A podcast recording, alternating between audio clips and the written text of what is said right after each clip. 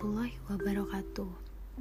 Saya di Virginia Putri. Kali ini saya akan membahas sebuah buku yang berjudul Sebuah Seni untuk Bersikap Bodoh Amat.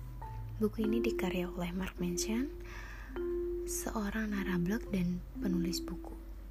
Buku ini diterbitkan oleh Harper One dan dirilis pada tanggal 13 September 2016. Pada buku yang berjudul Sebuah Seni untuk Bersikap Bodoh Amat merupakan buku yang membawa pembaca agar menemukan apa yang benar-benar penting di dalam kehidupan kita dan melepaskan hal-hal yang tidak begitu penting dalam kehidupan kita. Kali ini, Mark mengajak kita untuk berpikir secara analogi dan realistis. Dari mulai yang pada nyinyir, yang selalu berkata jujur walaupun menyakitkan, dalam kehidupan Mark semasa muda, membahas bahwa hidup itu merupakan pilihan. Masuk di era digitalisasi ini, masyarakat menjadikan media sosial sebagai ajang pamer, sehingga terlahirlah generasi manusia mempercayai bahwa mereka memiliki pengalaman negatif dan melahirkan rasa cemas, rasa takut, dan rasa bersalah. Hal itu sangatlah tidak benar. Contoh, setiap hari kita melihat feed Facebook, feed Instagram, yang pastinya dijejali dengan berita-berita atau gambar-gambar yang memperlihatkan bahwa orang-orang yang tersebut benar-benar bahagia. Mereka menikah, mereka sukses, mereka bisa berlibur ke mana saja, dan lain sebagainya. Lantas, kita pun berpikir bahwa hidup kita ini menyebalkan ya, yang akhirnya membuat kita merasa bersalah dan menyalahkan diri kita sendiri. Dalam kutipan halaman 9, krisis kita saat ini bukan lagi soal materi, namun soal eksistensi, ranah spiritual. Kita punya begitu banyak barang dan peluang, sampai-sampai kita tidak tahu apa lagi yang bisa kita kerjakan saat ini. Oleh sebab itu, mengapa kita harus memiliki sikap masa bodoh amat? Inilah mengapa bersikap masa bodoh adalah kuncinya.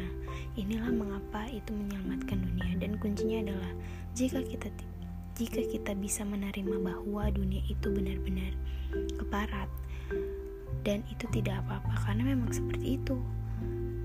Dan akan seperti itu adanya.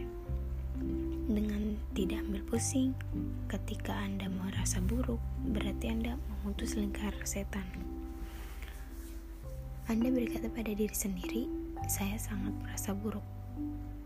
Tapi terus kenapa? Apa pedulimu? Dan lebih lanjut, Mark Manson memaparkan yang dimaksud dengan bodoh amat. Masa bodoh atau bodoh amat artinya memandang tanpa gentar tantangan yang paling menakutkan dan sulit dalam kehidupan dalam mau mengambil suatu tindakan. Letak kekuatan buku ini dalam isinya sangat padat, mengulas tentang fakta-fakta kehidupan yang nyeleneh. Berbeda dengan buku-buku self-improvement lainnya, yang saat kita membaca buku tersebut kita merasa diberikan motivasi, sehingga merasa baik. Namun, berbeda sekali dengan buku Mark Manson ini. Kita akan dibawa menjelajahi fakta kehidupan yang menyakitkan di bawah tertawa sampai mengerutkan dahi sehingga mendengus. Mark Manson mempercayai hukum kebalikan milik filsuf Alan Watts.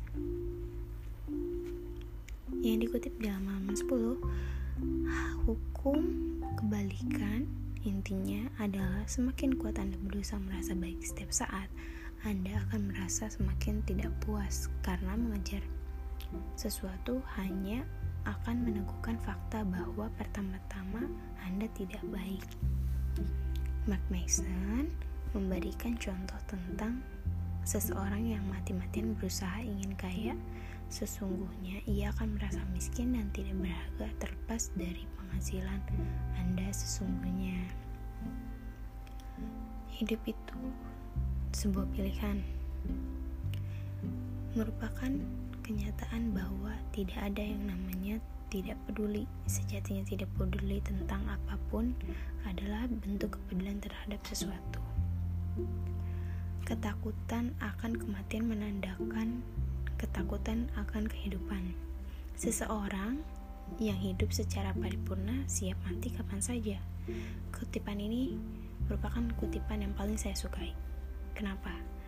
Karena melalui buku ini Mark mengajak mengajak kita untuk lebih berani menghadapi hidup dan sejatinya ketakutan akan kematian merupakan ketakutan dalam kehidupan. Secara tidak langsung, Mark mengajak kita untuk mengingat kematian agar berani menghadapi ketakutan dan ketidakpastian dalam kehidupan. Sekian pembahasan sebuah buku yang berjudul sebuah seni untuk bersikap bodoh amat.